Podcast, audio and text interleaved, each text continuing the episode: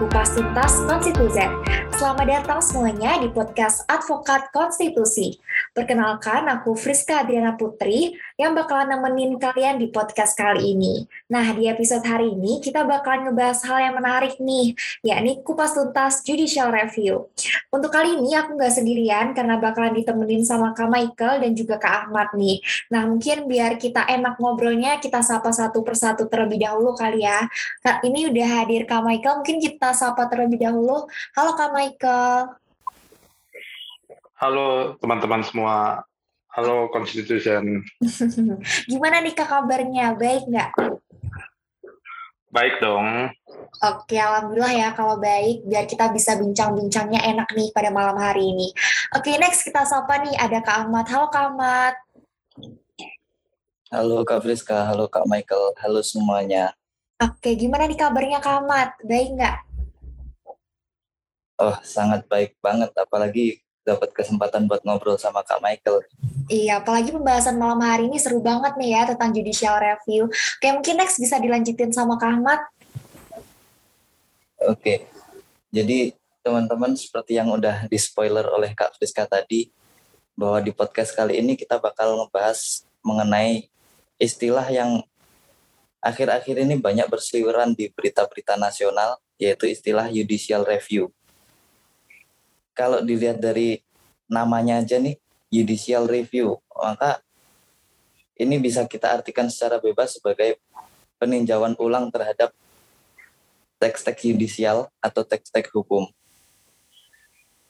Akhir-akhir ini diberitakan banyak tuh, misalnya Undang-Undang Ibu Kota Negara, UU P3, pembuat peraturan, eh pembuatan peraturan perundang-undangan dan undang-undang mengenai presidensial threshold yang juga ramai banget nih diisukan bakal di judicial review kan. Oke, biar nggak lama-lama, langsung aja nih kita ke Kak Michael. Kak Michael, sebenarnya gimana sih judicial review secara konkretnya? Mungkin bisa di kasih tahu nih kepada kita semua? Uh, jadi judicial review atau biasa mungkin lebih bahasa Indonesia-nya itu pengujian peraturan perundang-undangan.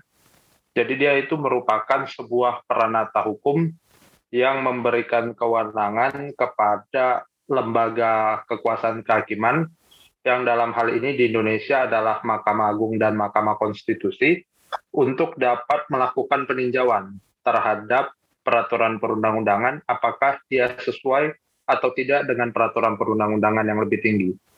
Nah, dalam hal ini Mahkamah Agung bertugas menguji peraturan perundang-undangan di bawah undang-undang seperti perda, peraturan pemerintah, peraturan gubernur, peraturan menteri terhadap undang-undang.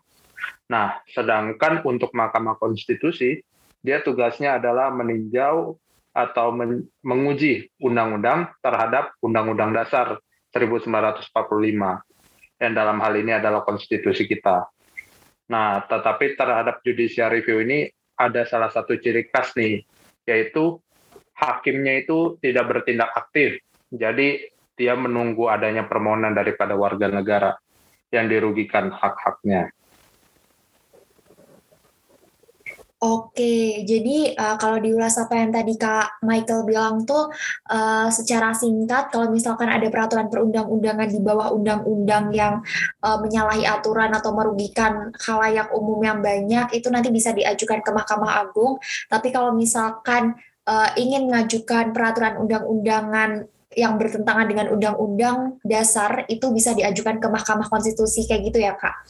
Oke, kemudian ya, menurut Kak Michael sendiri, kenapa sih uh, judicial review itu perlu seberapa urgent sih adanya judicial review ini dalam pemerintahan kita uh, di negara hukum seperti ini?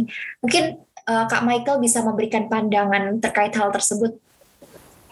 Oke, kalau ditanya seberapa penting judicial review dalam sebuah negara, khususnya Indonesia, mungkin kita perlu menarik sejarah ke belakang terlebih dahulu bahwa judicial review ini ternyata uh, sudah dicanangkan ketika masa-masa awal kemerdekaan melalui BPUPKI. Pada saat itu Muhammad Yamin mengusulkan supaya Balai Agung yang hari ini adalah Mahkamah Agung pada waktu itu ingin diberikan kewenangan untuk membanding undang-undang dengan undang-undang lainnya. Nah, namun sayangnya usul tersebut ditentang oleh Sukomo karena dinilai Indonesia baru merdeka dan belum memiliki ahli-ahli serta memiliki pengalaman judicial review. Oleh karenanya, pada saat itu judicial review belum masuk ke dalam undang-undang dasar kita. Nah, lalu ketika Indonesia merubah dirinya menjadi Republik Indonesia Serikat, pada pasal 156 sampai pasal 158, sebenarnya kita bisa melihat cikal bakal daripada judicial review di Indonesia. Namun karena waktu itu akhirnya konstitusi kita kembali ke Undang-Undang Dasar 1945, maka judicial review itu kembali tidak ada. Nah, di Orde Baru nih, di zaman di mana kebebasan itu sangat minim, gagasan judicial review itu sering kali muncul. Pertama, misalnya dari panitia ad hoc MPRS tahun 1966 sampai 1976, eh, di mana waktu itu eh, MPRS itu mengusulkan untuk judicial review supaya diberikan kepada Mahkamah Agung, tetapi ditolak oleh pemerintah.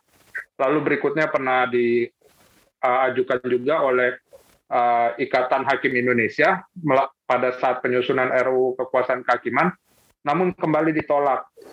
Uh, berikutnya Ketua Mahkamah Agung M. Ali pada waktu itu di tahun 1952 juga pernah uh, mengusulkan judicial review untuk diatur dalam konstitusi namun kembali mengalami penolakan.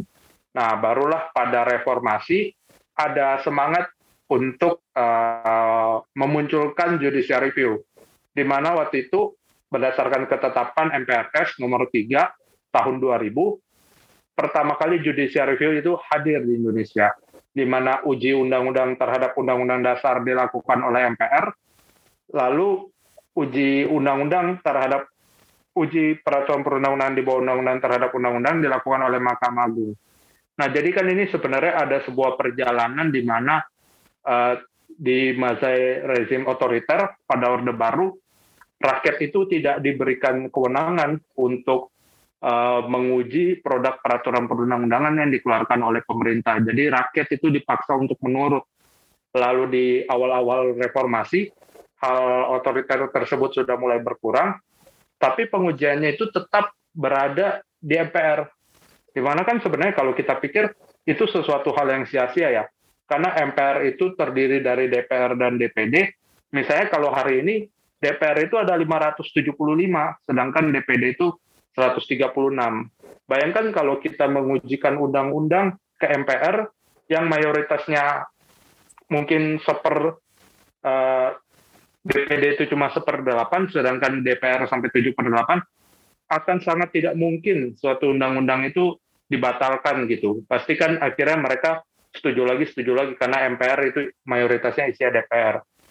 Nah, barulah kesempurnaan itu bisa kita lihat ketika ada amandemen ketiga, di mana amandemen ketiga Undang-Undang Dasar mengembalikan daulat uh, atau memberikan daulat tertinggi ya dari yang sebelumnya direpresentasikan oleh MPR menjadi daulat rakyat secara seutuhnya.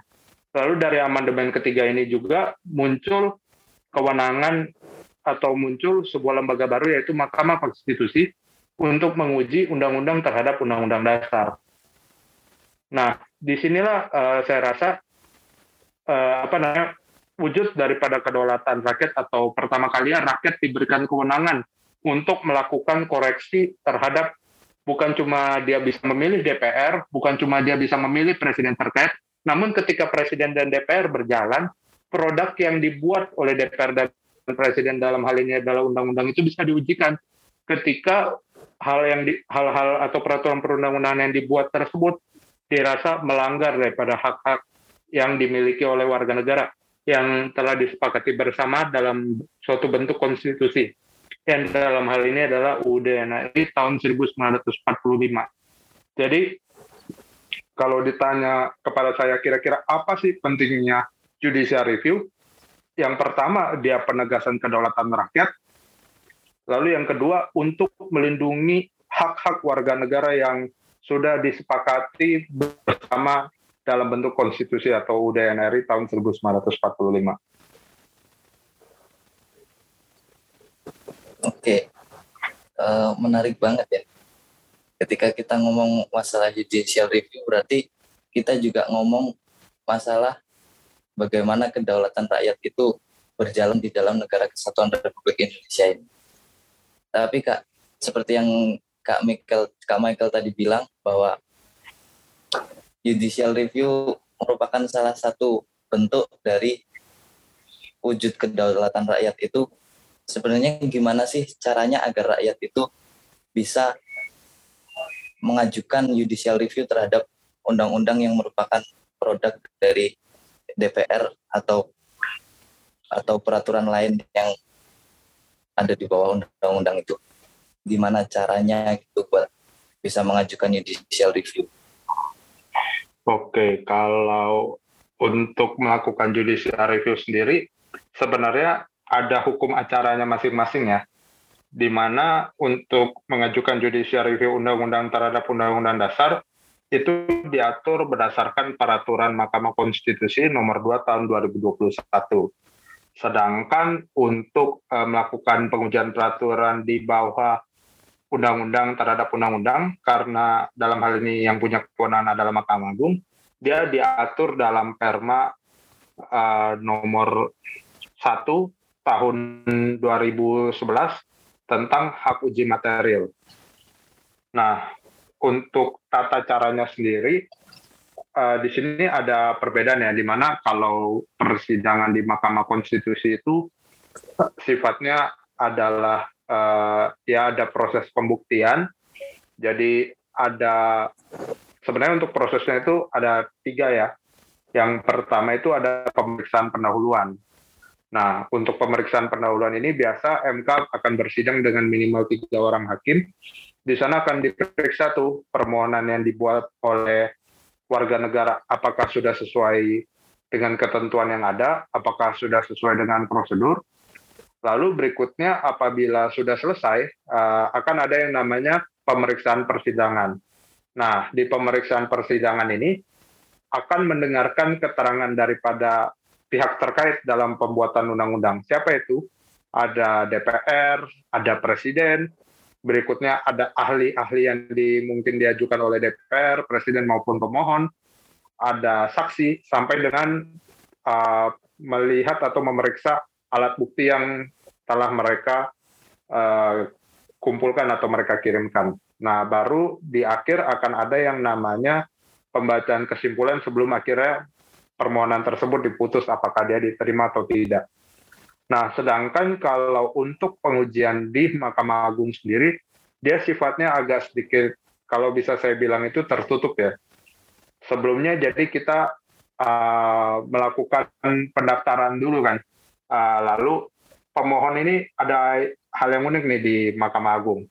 Yaitu pemohon sebelum mulai sidang itu harus membayar biaya permohonan dulu saat mendaftarkan permohonan keberatannya atas suatu peraturan perundang-undangan. Kalau nggak salah sih kemarin terakhir masih ada di angka satu juta rupiah ya.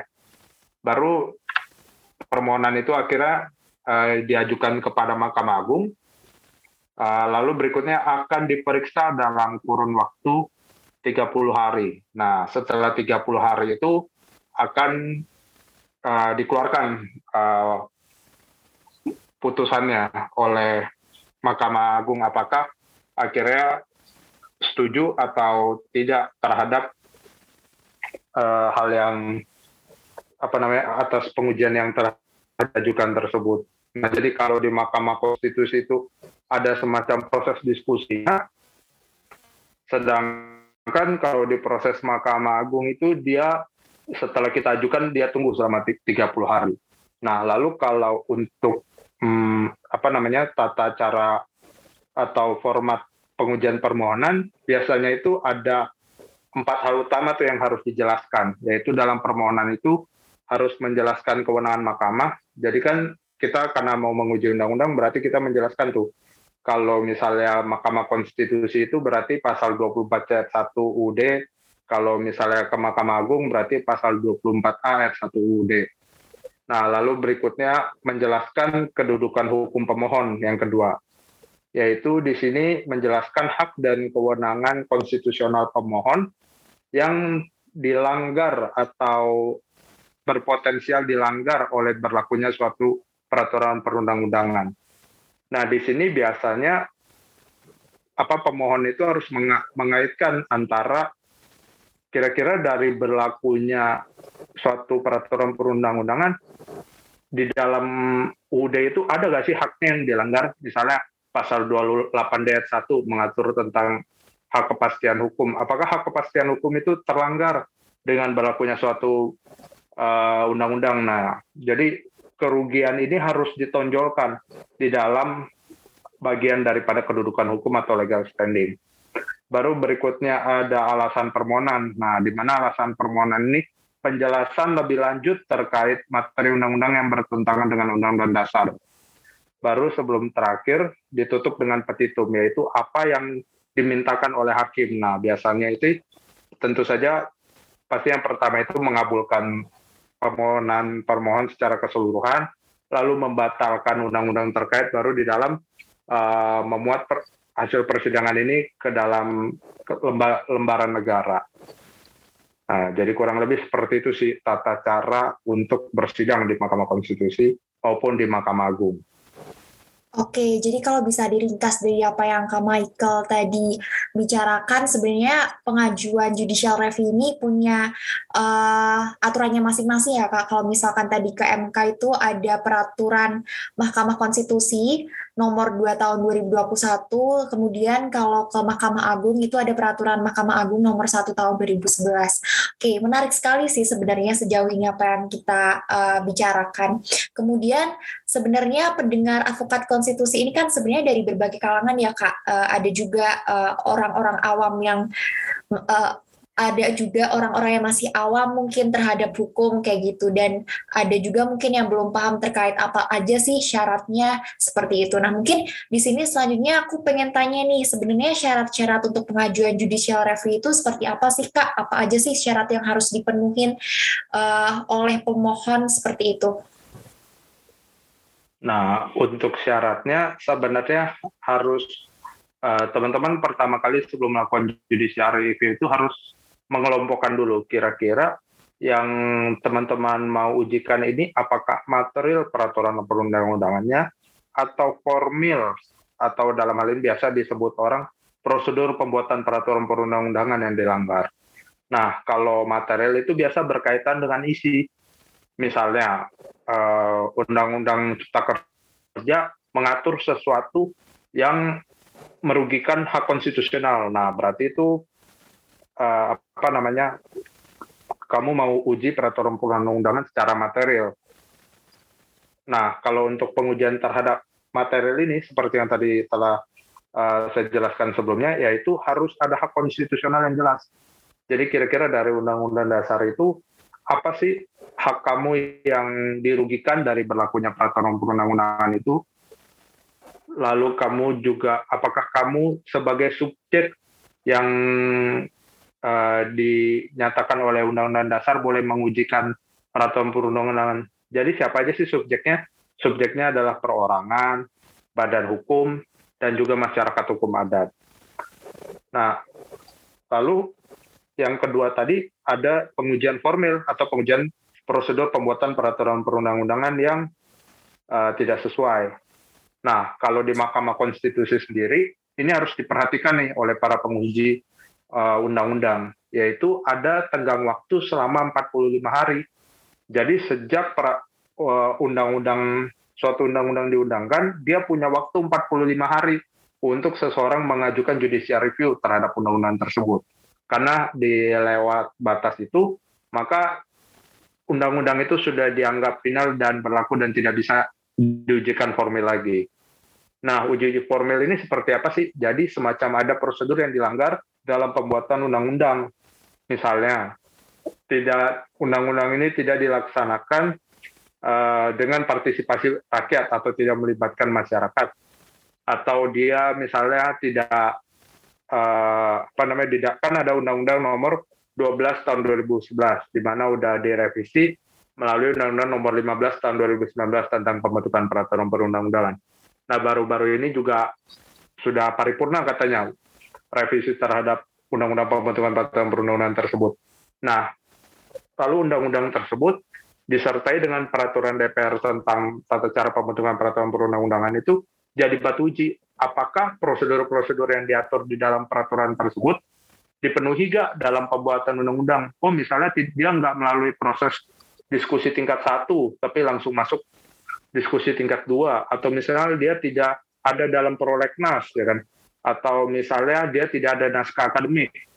Nah, prosedur-prosedur tersebut yang biasanya nanti diujikan dalam uh, uji formil undang-undang. Nah, jadi teman-teman uh, saya rangkum kembali apa syaratnya? Uh, syaratnya yang pertama kalau untuk hak uji material adalah menghubungkan antara hak konstitusional warga negara dengan berlakunya suatu undang-undang, uh, menunjukkan kerugian secara potensial maupun secara faktual. Jadi kalau potensial itu dirasa suatu hari akan terjadi kerugian tersebut. Kalau faktual itu uh, kerugiannya udah terjadi sekarang. Nah, jadi harus menunjukkan kerugian tadi. Lalu kalau yang kedua itu lebih menjelaskan yang formil, lebih menjelaskan prosedur apa yang dilanggar oleh terbentuknya suatu undang-undang yang mau kita ujikan tersebut. Mungkin itu sih untuk syarat mengajukan judicial review. Oke, jadi sebelum kita mengajukan judicial review itu kita harus tahu nih apa yang harus ditinjau apakah dari aspek formilnya atau aspek materialnya gitu ya kak ya? Iya benar. Oke, jadi untuk pertanyaan terakhir nih kak, kalau menurut kak Michael sendiri, gimana sih pelaksanaan dari judicial review yang ada sampai saat ini? Oke, karena judicial review itu sifatnya umum, tadi sebenarnya saya sudah singgung sedikit ya di mana uh, prosedur pengujian di Mahkamah Agung itu aneh gitu. Kita harus semacam setor uang dulu lah, ya kan? Setor uang uh, satu juta, lalu mulai sidang. Nah, kalau kita kalah, satu juta itu akan diambil untuk biaya perkara. Kalau misalnya kita menang, baru satu juta itu kembali.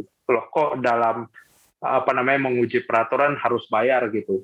Sedangkan di Mahkamah Konstitusi itu kan tidak dipungut biaya sama sekali. Kok semacam ada standar ganda pengujian peraturan perundang-undangan. Itu satu dari biaya. Lalu yang kedua dari keterbukaannya. Paling enggak kalau dari sidang di Mahkamah Konstitusi kita juga bisa lihat di YouTube tuh proses persidangan dari pemeriksaan sampai dengan pengambilan keputusan. Itu kan kita bisa lihat proses sampai putusan itu terjadi oh karena ada diskusi soal ini. Oh karena ada pembahasan soal ini. Makanya kita nanti bakalan tak bakalan kayak punya gambaran ketika udah diputus oh putusan ini diambil karena alasan-alasan seperti ini. Sedangkan kalau di Mahkamah Agung kan kita ya walaupun di dalam putusan itu kan ada pertimbangan kan ada pertimbangan hakim tapi tetap di Mahkamah Agung kan apa apa yang diajukan oleh pemohon itu tidak digali secara baik melalui proses persidangan. Nah, jadi kalau uh, ditanya, yang pertama tadi soal biaya, yang kedua soal hukum acara di Mahkamah Agung yang perlu diperbaiki, lalu yang ketiga itu terkadang ternyata putusan Mahkamah Agung dan putusan Mahkamah Konstitusi itu bisa saling bertentangan.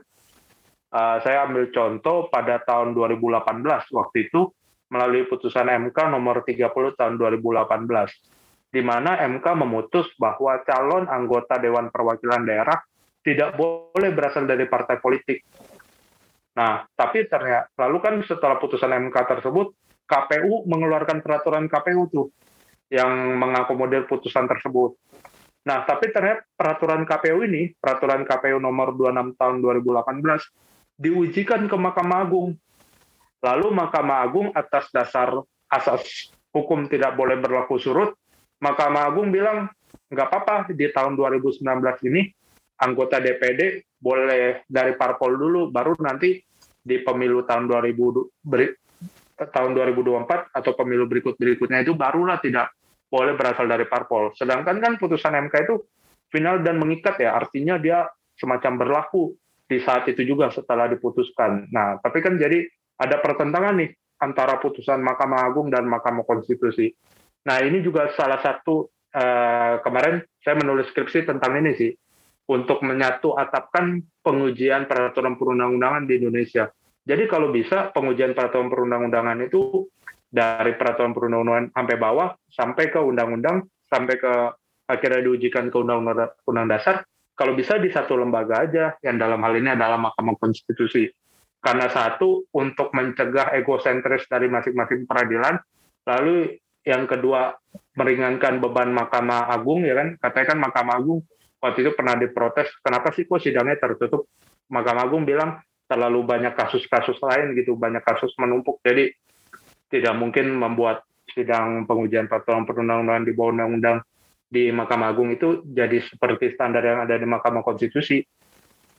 Nah, tadi, tadi kita udah semacam mengkritik terus pengujian peraturan perundang-undangan di bawah undang-undang terhadap undang-undang di Mahkamah Agung. Sekarang saya punya beberapa kritik juga nih terhadap uh, Mahkamah Konstitusi ya memang kalau ditanya sih Mahkamah Konstitusi itu udah apa salah satu lembaga negara yang paling bagus lah sampai saat ini.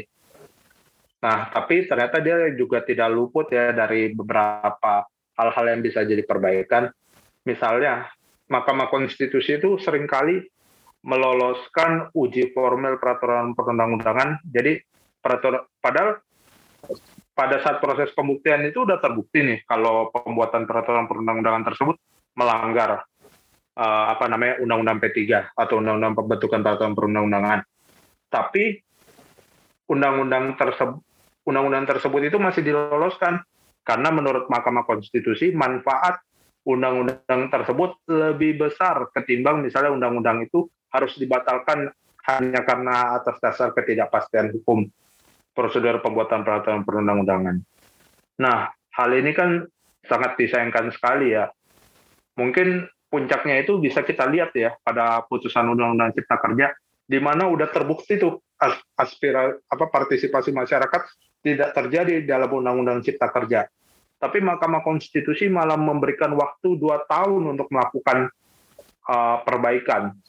Udah itu di waktu perbaikan itu tidak boleh ada pembentukan peraturan turunannya terhadap Undang-Undang Cipta Kerja itu. Padahal jangan-jangan ada ketentuan-ketentuan tertentu dalam Undang-Undang Cipta Kerja perlu segera segera ada peraturan turunannya.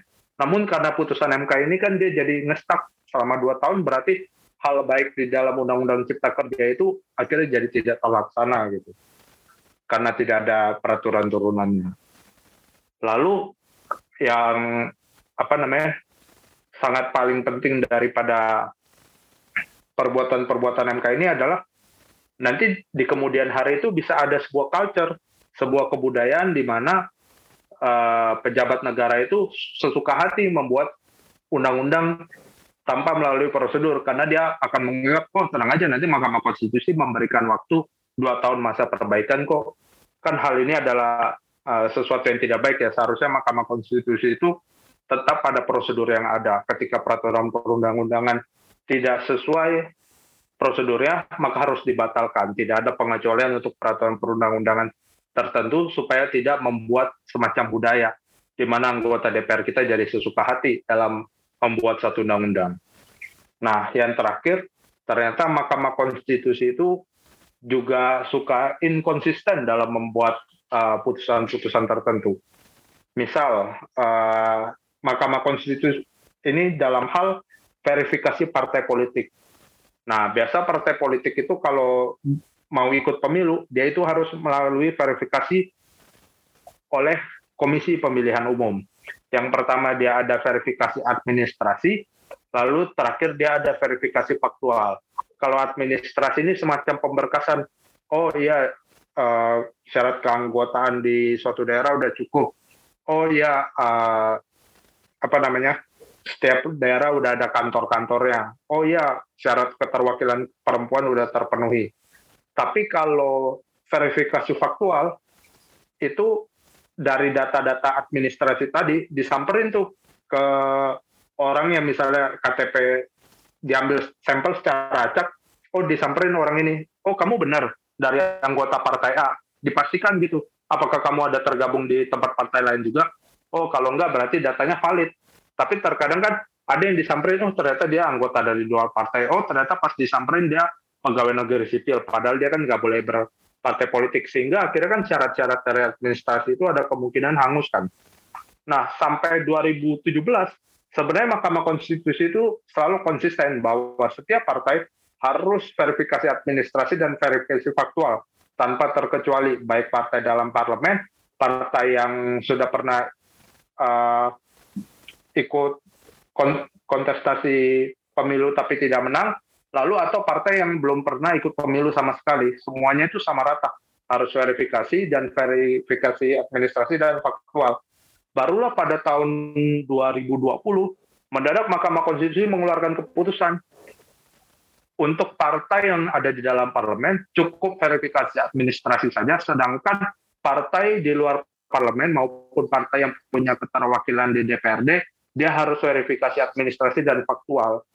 Sedangkan kan tadi kalau kita ada bahas singgung sedikit juga, kalau putusan M, MA, MK itu terhadap pengujian undang-undang itu bersifat final dan mengikat. Artinya kan sebenarnya tidak ada upaya hukum lainnya. Tapi ternyata ini Mahkamah Konstitusi ada inkonsistensi dengan putusan-putusan yang sebelumnya. Jadi kalau ditanya ada dua sih. Yang pertama kita tentu saja minta ketegasan Mahkamah Konstitusi untuk uh, pembuatan undang-undang yang tidak sesuai dengan formil. Lalu yang kedua kita juga uh, menginginkan Mahkamah Konstitusi yang konsisten dalam mengeluarkan keputusan-keputusannya. Lalu untuk Mahkamah Agung tadi bisa diperbaiki lah untuk hukum acaranya serta uh, apa namanya untuk biaya perkara itu kalau bisa dihilangkan atau mungkin kalau ternyata memang beban pengujian peraturan perundang-undangan di bawah undang-undang itu berat ditambah dengan beban MA lain dalam perkara perdata pidana PTUN dan lain-lain mungkin pengujian peraturan undang-undang perundang-undangan di bawah undang-undang terhadap undang-undang bisa diserahkan ke MK aja itu sih tentang gimana pelaksanaan judicial review saat ini dan permasalahan-permasalahannya. Oke, wah sebenarnya menarik sekali ya pembahasan pada hari ini. Uh, tadi kita sempat mengulas mengenai kenapa ada judicial review, kemudian bagaimana tata caranya, syaratnya, ke kemudian Kak Michael tadi juga sempat menyinggung kritik terhadap MA dan MK mengenai judicial review ini. Jadi sebenarnya uh, sangat menarik sekali. Namun mungkin pembahasan pada hari ini hanya itu saja ya. Pembahasan hari ini memang masih bersifat umum mengenai judicial review. Mungkin nanti di podcast selanjutnya kita bisa membahas hal-hal yang lebih spesifik, misalkan uh, pengujian undang-undang terhadap UU IKN dan lain sebagainya. Nah, semoga podcast pada hari ini bisa menambah pengetahuan nih buat teman-teman semua mengenai judicial review sehingga impact dari adanya ilmu yang kita dapat pada hari ini dapat membuat kita lebih kritis terhadap peraturan perundang-undangan di Indonesia. Nah, saya mengucapkan terima kasih banyak nih atas kehadiran Kak Ahmad dan juga Kak Michael pada malam hari ini yang sudah uh, menemani aku untuk mengupas tuntas mengenai judicial review. Semoga kita semua dapat berdiskusi di waktu yang lain ya Kak. Oke, mungkin uh, ya. untuk selanjutnya aku serahkan ke Kak Ahmad buat nutup podcast pada malam hari ini. Oke, baik terima kasih Kak Friska. Jadi teman-teman mungkin itu saja pembahasan kita dan juga tadi sudah disimpulkan banyak oleh Kak Friska juga. Semoga kita dapat bertemu di podcast Talk Tituzen selanjutnya. Saya Ahmad bersama Kak Friska dan ada Kak Michael di sini pamit undur diri. Sampai jumpa di podcast selanjutnya. Bye bye.